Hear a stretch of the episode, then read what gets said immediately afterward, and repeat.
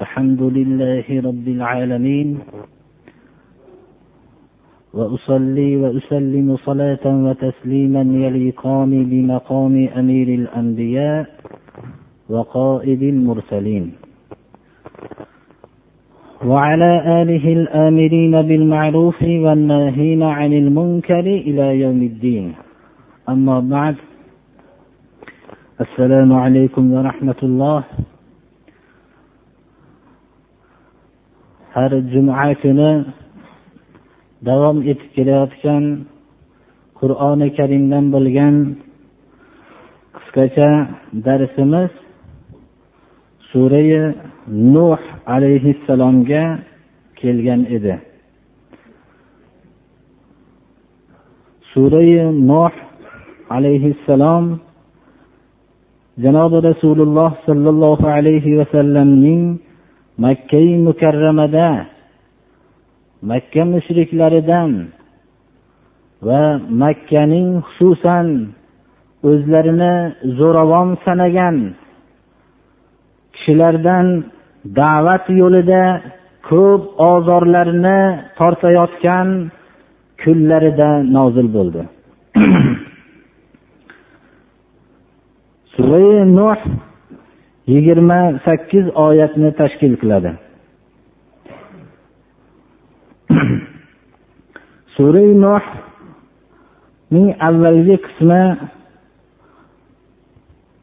odam alayhissalomdan keyin jo'natilingan shayxul ambiyo bo'lgan nuh alayhissalomning alloh subhanahu va taolo odam alayhissalomdan keyin tavhid aqidasining o'zgarganidan keyin o'zi tarafidan nuh alayhissalomni yer yuzidagi bashariyatga payg'ambar qilib jo'natganligi bilan boshlanib payg'ambarlikdan bo'lgan maqsad xalqlarning ollohni azobidan ogohlantirish ekanligini va ollohga o'zigagina ibodat qilish ollohdan qo'rqish va ollohni yuborgan payg'ambariga itoat qilishlikka bo'lgan buyruq ekanligini bayon qilinadi.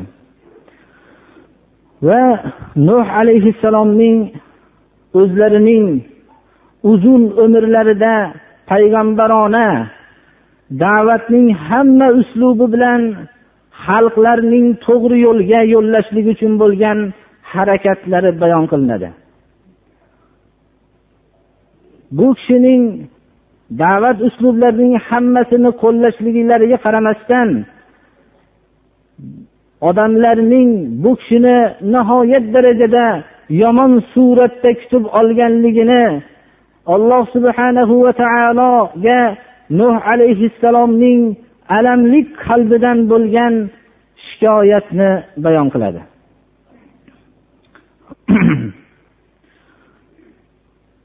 Ularning ota bobolaridan qolgan butlarga sig'inishlikda davom etganligini va nuh alayhissalomga qarshi chiqqanlar bir birlarini ota buvalaridan qolgan butlarga sig'inishlikka targ'ib qilganliklari ham bayon qilinadi. Nuh alayhissalomning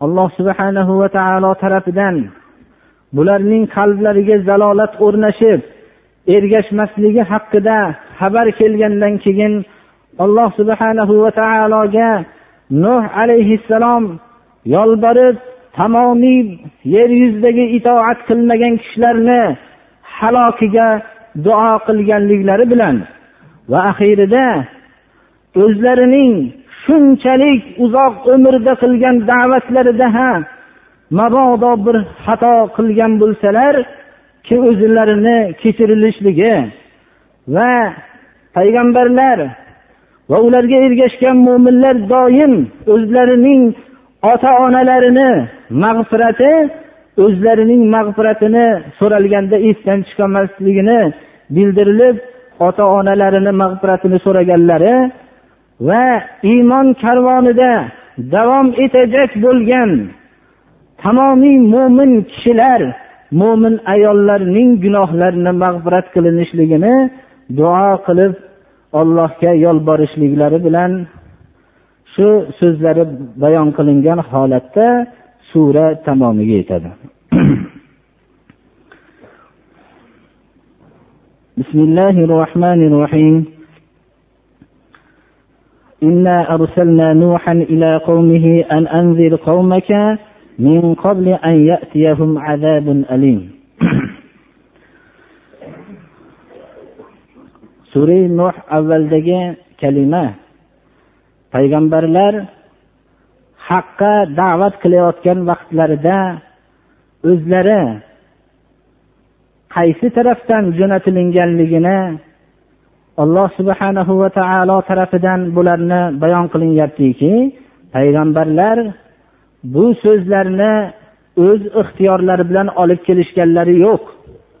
Balki alloh subhanahu va taolo payg'ambar qilib jo'natganligidan va yelkalariga shu og'ir mas'uliyat tushganligini bilishib bajarganliklaridan gapirishayotgan ekanligi bildirilyaptiki sura nuhning avvalini mazmuni biz deyapti alloh subhanahu va taolo nuhni jo'natdik. Xalqiga o'zingizni xalqingizni alamlantiruvchi azob kelishligidan ilgari ogohlantiring deb odam alayhissalomni alloh subhanahu va taolo tuproqdan yaratdi. Odam alayhissalomga va tamomiy zurriyotlarining qalbiga toza fitratni o'rnatdi.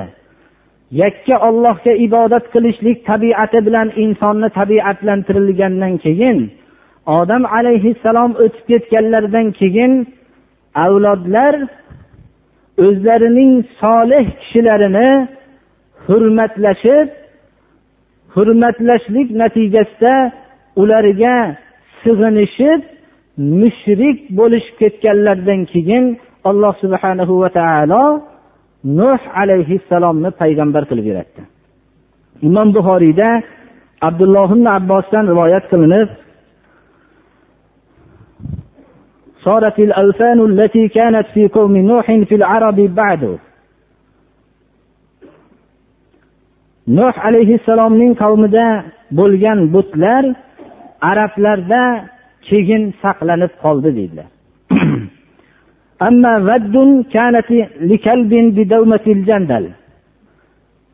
Mana sura nuhda zikr qilinadigan vad buti davmatil jandal deb nomlangan o'rindagi kal qabilasi sig'inadigan butga aylangan edi.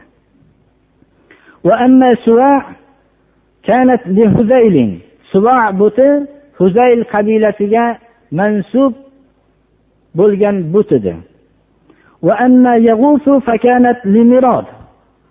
Mirod qabilasiga mansub bo'lgan butning nomi yag'us edi. Hamadon qabilasiga mansub bo'lgan butning nomi yauq edi. Nasr buti himyar qabilasiga mansub bo'lib shu nuh alayhissalomning davridagi butlar shu vaqtgacha saqlanib mushriklar shunga ibodat qilib kelishardi deydilar abdulloh ibn abbos. Ana nuh alayhissalom ogohlantirdilar. Ogohlantirib bir inson bir kishilarni haqiqat yo'liga uzoq davomat qilib bilan da'vat qilgandan keyin ular qabul qilishmasalar albatta da'vat qiluvchi kishining og'zidan har xil haqorat so'zlari chiqib ketadi birodarlar. Lekin ollohning payg'ambarlari xalqiga shu darajada mehribonki nuh alayhissalom qur'on iborasi bilan to'qqiz yuz ellik yil da'vat qildilar. استعيذ بالله ولقد أرسلنا نوحا إلى قومه فلبث فيهم ألف سنة إلا خمسين عاما shuncha da'vat qilganlarda odamlar hammasi qarshi chiqishdi ozchilik iymon keltirdi shunda ham payg'ambarlar qalbini alloh subhanahu va taolo shunday mehribon qilib yaratganki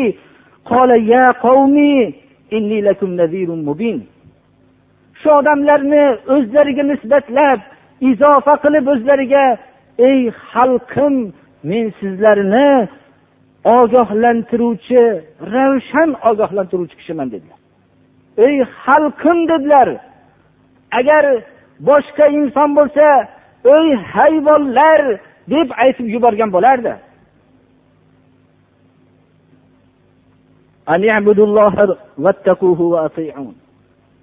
Risolatdan bo'lgan maqsadni bayon qilyaptilar. Ollohga ibodat qilinglar. Yakka ollohga ibodat qilinglar. Chunki yakka ollohga ibodat qilish insonning yerdagi soxta butlarning hammasiga qul bo'lishlikdan ozod qiladi.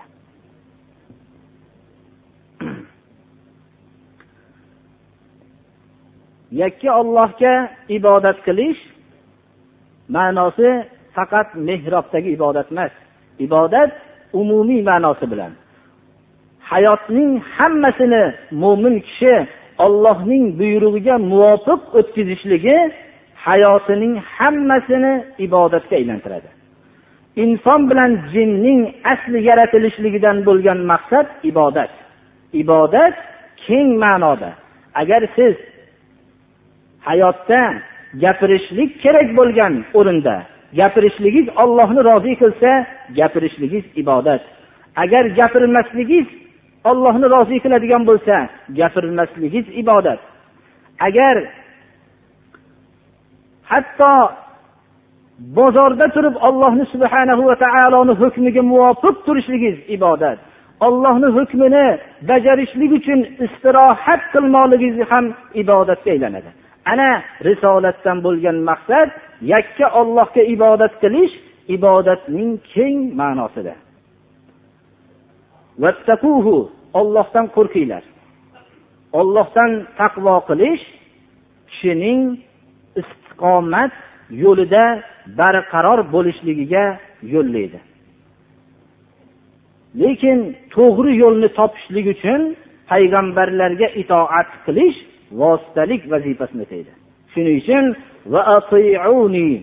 menga itoat qilinglar. Payg'ambarlarga itoat qilish nihoyat darajada to'g'ri yo'lni topishlikka vasila vazifasini o'taydi. Ana ollohga ibodat qilsanglar ollohdan qo'rqsanglar menga ergashsanglar dedilar nuh alayhissalom. Sizlarni olloh gunohinglarni kechiradi. Va muayyan muhlatgacha azob tushirmasdan sizlarni hayotda qoldiradi. Muayyan muhlat ajal soati kelganda ollohning ajali insonlarga jo'natgan tayin qilgan muhlati kelganda u kechiktirilmaydi hech qachon. Bu insonlar uchun ajal soati kelishligi bilan uni yo ilgari yo kechiktirilmasdan jon taslim qilishadilar. Sizlar qaniydi bu iymon? Ollohga ibodat qilish ollohdan qo'rqish ollohni payg'ambariga itoat qilishligidek yaxshilikni bilganinglarda. Ana nuh alayhissalom to'qqiz yuz ellik yil da'vat qildilar. Da'vatning hamma uslublarini qo'lladilar. U kishi olloh subhanahu va taologa yolborib mana bu so'zni aytyaptilar قال رب إني دعوت قومي ليلا ونهارا فلم يزدهم دعائي إلا فرارا nuh alayhissalom aytdilarki xudoyo men xalqimni hatto shunchalik darajada ozor berishsalar ham xalqim deb gapirdilar xalqimni kechayu kunduz o'zingni yo'lingga chaqirdim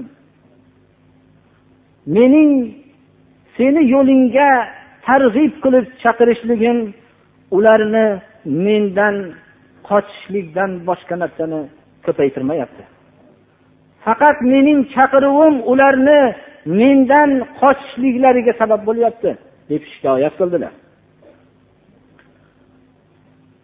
وإني كلما دعوتهم لتغفر لهم جعلوا أصابعهم في آذانهم واستغشوا ثيابهم وأصروا واستكبروا استكبارا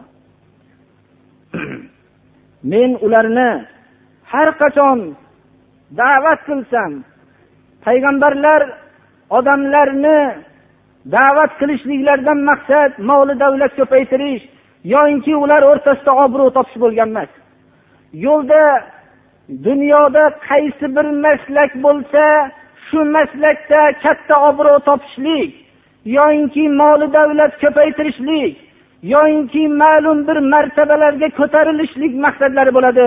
Ammo alloh subhanahu va taolo tarafidan jo'natilingan payg'ambarlarda bu maqsadlar bo'lmaydi birodarlar. Payg'ambarlarning da'vat qilishliklaridan bo'lgan maqsad alloh subhanahu va taolo shu insonlarning gunohlarini kechirishligi bo'ladi. Ana bu kishi aytyaptilarki o'zing bularni gunohlarini mag'firat qilishliging uchun bularni o'zingni yo'lingga chaqirsam bular barmoqlarini quloqlariga tiqishib olyapti. Shuni so'zini eshitib qolmaylik dedi. Barmoqlarini bekitishligidan tashqari kiyimlari bilan o'ranib olishyaptilar. Va bu yo'llarida mahkam turishdi va yana o'zlarini oliy sanashib bosh tortishyapti deb shikoyat qildilar.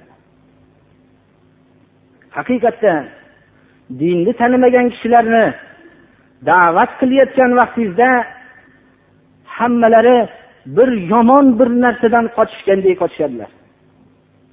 Ha ular poklikni bir tatib ko'rmaganliklari uchun shunday bo'lishsalar kerak. Qur'oni karimning shu kalimasida arab tilida anmul deb barmoqning uchini aytadi. Asobi deb barmoqning hammasini aytadi. Barmoqning hammasi quloqning ichiga sig'maydi balki barmoqning uchi sig'adi. Qur'oni karimda shu yerda barmoqlarini quloqlariga qilishadilar degan kalimadan shu ma'lum bo'lyaptiki ular shu darajada payg'ambar so'zini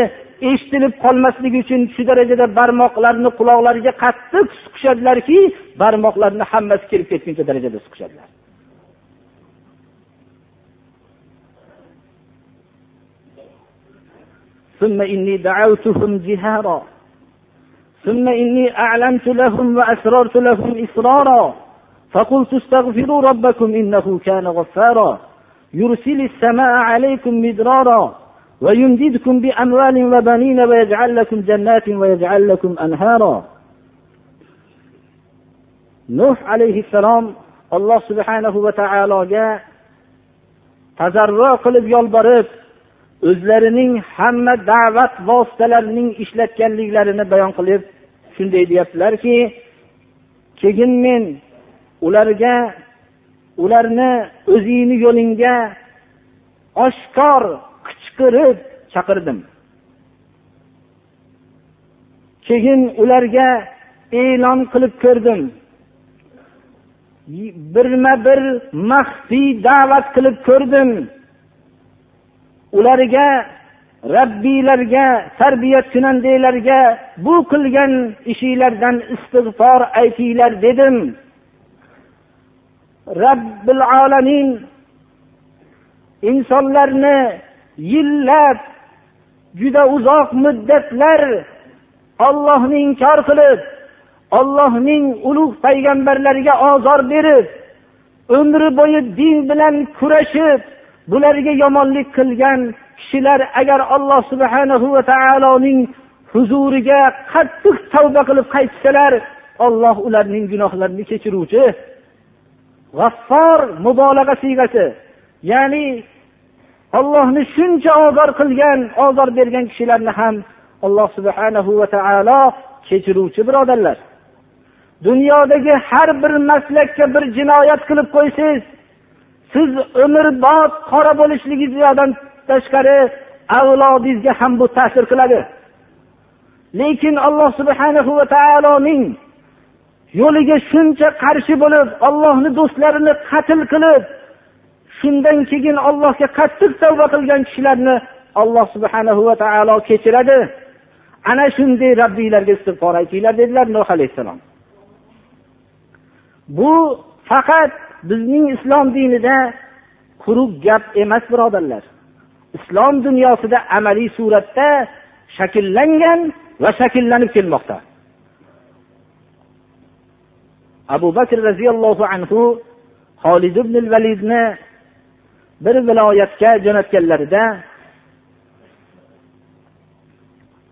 jurmuz ismli fors qo'mondonlaridan bittasi holid ibn validni chaqirdi. Ikki tarafga hamma saf bo'lib turgan edi. Chaqirib ey holid men bir savol qilamanki savolimga aniq javob bering dedi. Alloh subhanahu va taolo payg'ambarga bir qilich osmondan tushirdimiki buni sizga berdimi? Qayerda bo'lsangiz g'alaba qilasiz dedi. Bu kishining laqablarini rasululloh sollallohu alayhi vasallam sayfulloh degan edilar. Ollohni qilichi deb u kishi aytdilarki yo'q dedilar. Men payg'ambarimiz sollallohu alayhi vasallam payg'ambar bo'lib kelganda odamlar ikki toifa bo'ldi. Ba'zilar ergashdi ba'zilar ergashmadi. Men ergashmagan kishilar safida bo'ldim. Ko'p islomga zararlar keltirdim. Keyin bu qilgan ishlarimga qattiq attang qildim. Islomni qabul qildim. Shunda rasululloh sollallohu alayhi vasallam meni sayfulloh deb laqabladilar. Shundan beri men ollohni qilichi deb laqabladilar. Biror bir joyda mag'lub bo'lmadim dedilar. Shunda yurmuz aytdiki mabodo sizlarni diniylarga birodarlar bu fors qo'mondonlaridan bittasi islomga qarshi maydonda turgan edi. Sizlarni diniylarda mabodo biz qabul qilsak sizlarga bo'lgan martaba bo'ladimi deb savol qildi. U kishi aytdilarki bizga bo'lgan martabadan ko'ra ko'proq martaba bo'ladi dedilar. Nima uchun deganlarida so'raganda holid valid javob qildilarki biz payg'ambar sollallohu alayhi vasallamni ko'rdik u kishidagi mo'jizotlarni ko'rib iymon keltirdik. Sizlar ko'rmagan ko'rmasdan turib iymon keltirganliginglar uchun bizdan ko'ra sizlarga martaba katta bo'ladi dedilar. Shunda shahodat aytib iymon keltirdi. Iymon keltirib o'zini poklab ikki rakat namoz o'qidi. O'qib musulmonlar safiga o'tib turib jangga kirdi. Mana shu jangda shahid bo'ldi. Mana islomda eng oz muddatda yashagan kishi mana shu nomli kishi bo'ladilar. Ana islom uning islomni qabul qilishligi bilan alloh subhanahu va taolo uning gunohlarini kechiradi birodarlar agar iymonida sodiq bo'lsa. Bunday maslak yer yuzining hech qanday maslaklarida yo'q birodarlar. Ana u kishi aytdilarki robbiylarga istig'for aytinglar. Robbiylar gunohinglarni kechiruvchi faqat kechiribgina qo'ymasdan sizlarga yomg'irni ko'p yog'diradiki bu yomg'ir sizlarning rizqinglarni vasiy bo'lishligining yagona omili ekan har qancha taraqqiyot bo'lishligiga qaramasdan insonlar o'rtasidagi rizqning vasiy bo'lishligining omili yomg'ir bo'lib qolib kelmoqda birodarlar.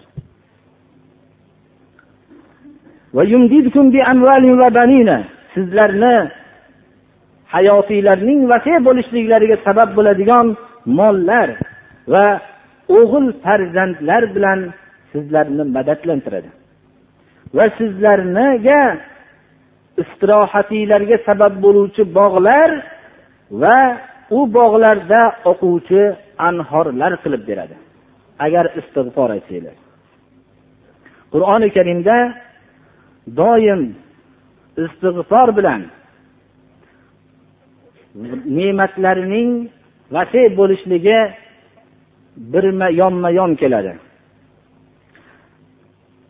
qur'oni karimda استعيذ بالله ولو أن أهل القرى آمنوا واتقوا لفتحنا عليهم بركات من السماء والأرض agar shahar ahllari viloyat ahllari iymon keltirishib xudodan qo'rqishsalar barakot darvozalarini ochib tashlaymiz deyapti alloh taolo ولو أنهم أقاموا التوراة والإنجيل وما أنزل إليهم من ربهم لأكلوا من فوقهم ومن تحت أرجلهم agar ahli kitoblar tavrotu injilni hayotlariga barpo qilishsalar o'zlariga alloh subhanahu va taolo tarafidan tushirilgan qur'onni barpo qilishsalar ular hamma taraflaridan bemalol rizq bilan mamnun bo'lib yashab yeyishadilar deb qur'onda mana shunday qilinyapti. Istig'for bandalarning iymoni taqvolari ularning oxirat hayotidagi rohatlarigagina sabab bo'lib qolmasdan dunyodagi rohatlariga ham albatta sabab bo'ladi. Alloh subhanahu va taoloning shahodati bilan.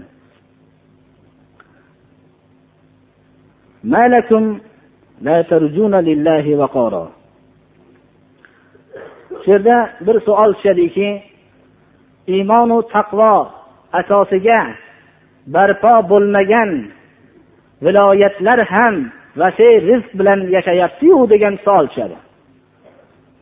Qur'oni karimda alloh subhanahu va taolo mana shu narsaga javob qilib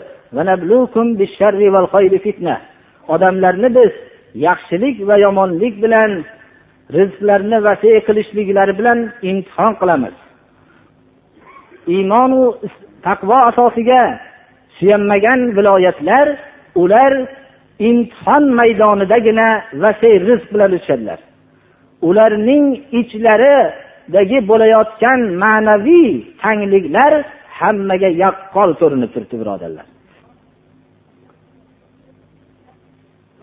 حتى إذا نسوا ما ذكروا به فتحنا عليهم أبواب كل شيء alloh subhanahu va taolo tarafidan eslatilinib aytilingan so'zlarni esdan chiqarishganda ularni imtihon uchun hamma dunyo ba'zi narsalarni vasiy rizq bo'ladigan narsalarni vaqtincha ularga ochib qo'yamiz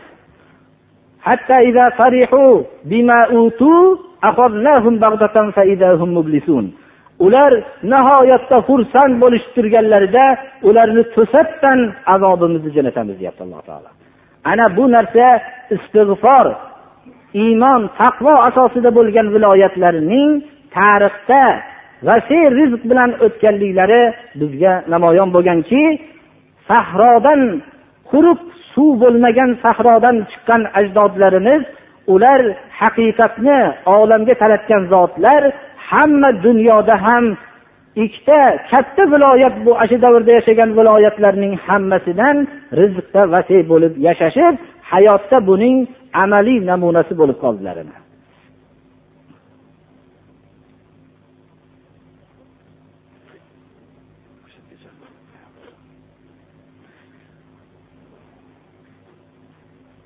va taolo bizlarni ham shunday payg'ambarimiz sollallohu alayhi vasallamga makkada ko'p da'vat yo'lida ozor topayotganlarida alloh subhanahu va taolo payg'ambarlar korvonida o'tgan va shayxul ambiyo bo'lgan nuh alayhissalomning hikoyasini nozil qilib aytib berishligi u kishiga tasalli bo'lardi. U kishi da'vatda qiynalganliklari ana shunday alloh subhanahu va taolo tarafidan tushgan oyatlar bilan nihoyat darajada u kishi tasallilanib yupanardilar. Bizlarni ham alloh subhanahu va taolo haqiqatga da'vat qiluvchilardan qilsin. Haqiqatga da'vat qilayotgan vaqtimizda yetgan ozorlarga chidaydigan kishilardan qilsin. Ozor berayotgan kishilarga alloh subhanahu va taolo haqiqatni bildirsin. Agar adashayotgan bo'lsak olloh to'g'ri yo'lga yo'llasin agar adashayotgan bo'lsa olloh to'g'ri yo'lga yo'llasin ularni اهدنا الصراط المستقيم صراط الذين أنعمت عليهم غير المغضوب عليهم ولا الضالين الله أكبر bir xoliroq so'rasa bo'ladi bulargancha vaqt bo'lib qoladi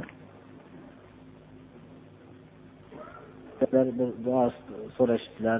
Ba'zilar bitta ikkita masala so'rashgan ekanlar bir o'zlari uchrashgan ular hozir vaqtimiz ham tang bo'lib qolyapti. Hop. Yana bitta talablarni qondirishlik uchun. Omin alloh taolo duo bizdan so'ragan kishilarni alloh taolo o'zi maqsadlarini bersin. Farzandlarini to'g'ri yo'lga hidoyat qilib o'zini omonatiga alloh saqlasin اللهم أحسن عاقبتنا في الأمور كلها وأجرنا من خزي الدنيا وعذاب الآخرة. الله أكبر. الحمد لله الكريم الذي أسبغ علينا نعمه ظاهرة وباطنة. الرحيم الذي لم تزل ألطافه على عباده متوالية متظاهرة. العزيز الذي ضعفت لعزته رقاب الجبابرة القوي المتين الذي أباد من كذب رسله من الأمم الفاجرة الكافرة. وأحمده سبحانه حمد عبد لم تزل ألطافه عليه متتابعة متواترة. وأشهد أن لا إله إلا الله وحده لا شريك له شهادة أنجو بها في الدار الآخرة. وأشهد أن محمدا عبده ورسوله صاحب الآيات والمعجزات الباهرة.